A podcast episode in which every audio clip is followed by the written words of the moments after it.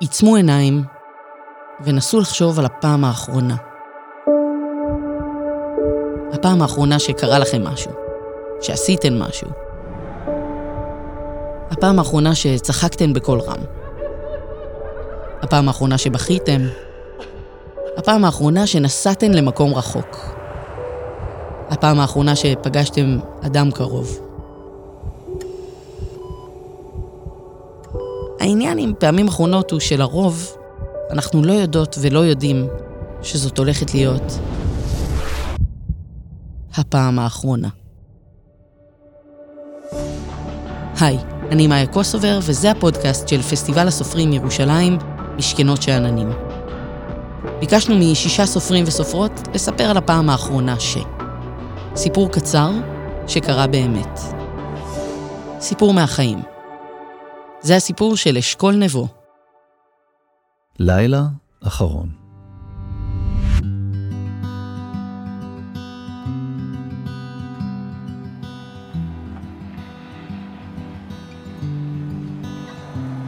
הבית שלנו היה מלא ארגזים, אז קבענו בבית שלה.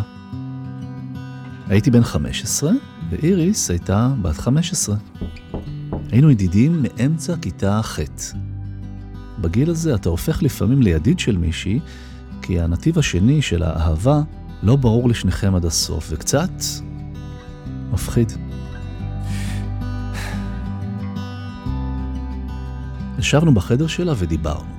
כל פעם שהצלחתי להצחיק אותה הייתי מרוצה.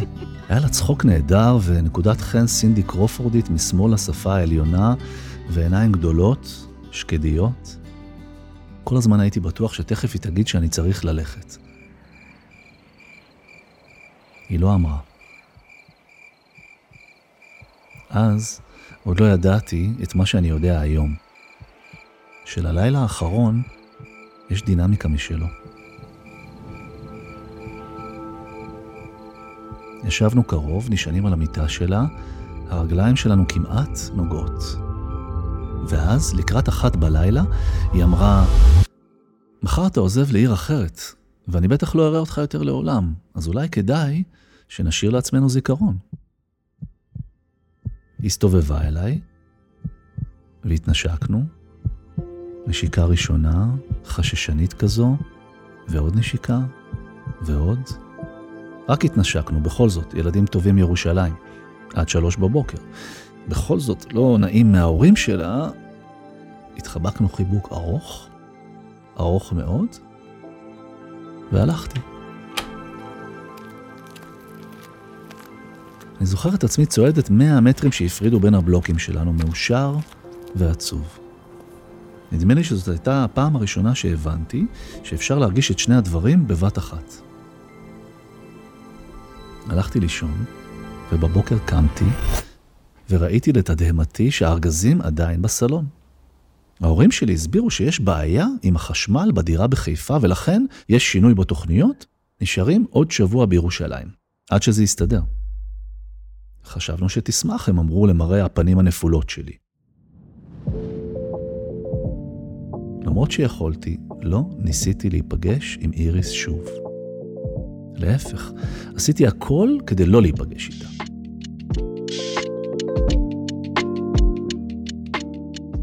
לא עניתי לטלפונים כשהיו, וביקשתי מההורים שלי שיגידו שאני כבר בחיפה, אם מישהו מתקשר. שיחקתי הרבה אתרי עם עצמי, קראתי שוב את עפיפונים של רומן גרי, והסתגרתי בבית. בוקר אחד כבר התחלתי לחייג את המספר שלה, אבל ממש לפני הספרה האחרונה, המכריעה, האצבע שלי נפלטה מהחוגה. ואז, ביום האחרון לפני המעבר, אמא שלי שלחה אותי לסופר עם רשימת קניות. לא מצאתי סיבה טובה להגיד לה לא. בדרך הסתתרתי מאחורי שיחים כדי שאיריס לא תראה אותי, ובסופר עצמו אספתי את המצרכים מהר ככל האפשר. במסדרון של חומרי הניקוי ראיתי אותה, מתכופפת לקחת אקונומיקה. לא יכולתי להוריד את העיניים מהמותן שלה שנחשפה כשהיא התכופפה, וככה שכחתי שאני אמור להתחמק ממנה, וכשנזכרתי כבר היה מאוחר מדי. אתה לא אמור להיות בחיפה? פערה מולי עיניים גדולות, שקדיות. שתקתי. היא יצאה מהסופר בריצה. הייתי צריך לרוץ אחריה, להשיג אותה ולהסביר לה שאני באמת עובר לחיפה, מחר. ושלא התקשרתי אליה השבוע כי אקורד הסיום שלנו היה כל כך יפה, שפחדתי להרוס אותו. אבל אז עוד לא ידעתי את מה שאני יודע היום. ולמחרת באו המובילים ולקחו את הארגזים ועברנו לחיפה.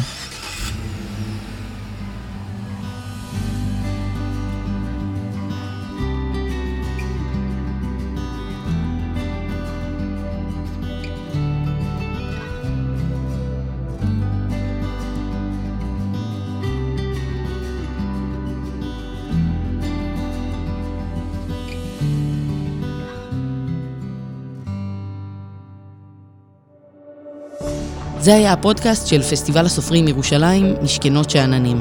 תודה ללירן גולוד, המנהלת האומנותית, לעינת אשדות, המפיקה הראשית, תודה למעצבי הסאונד המוכשרים שאמונים גם על המיקס, מור סיוון, עודד דוידוב ואסף רפפורט. אני מאיה קוסובר, ותודה לכם ולכן על ההאזנה.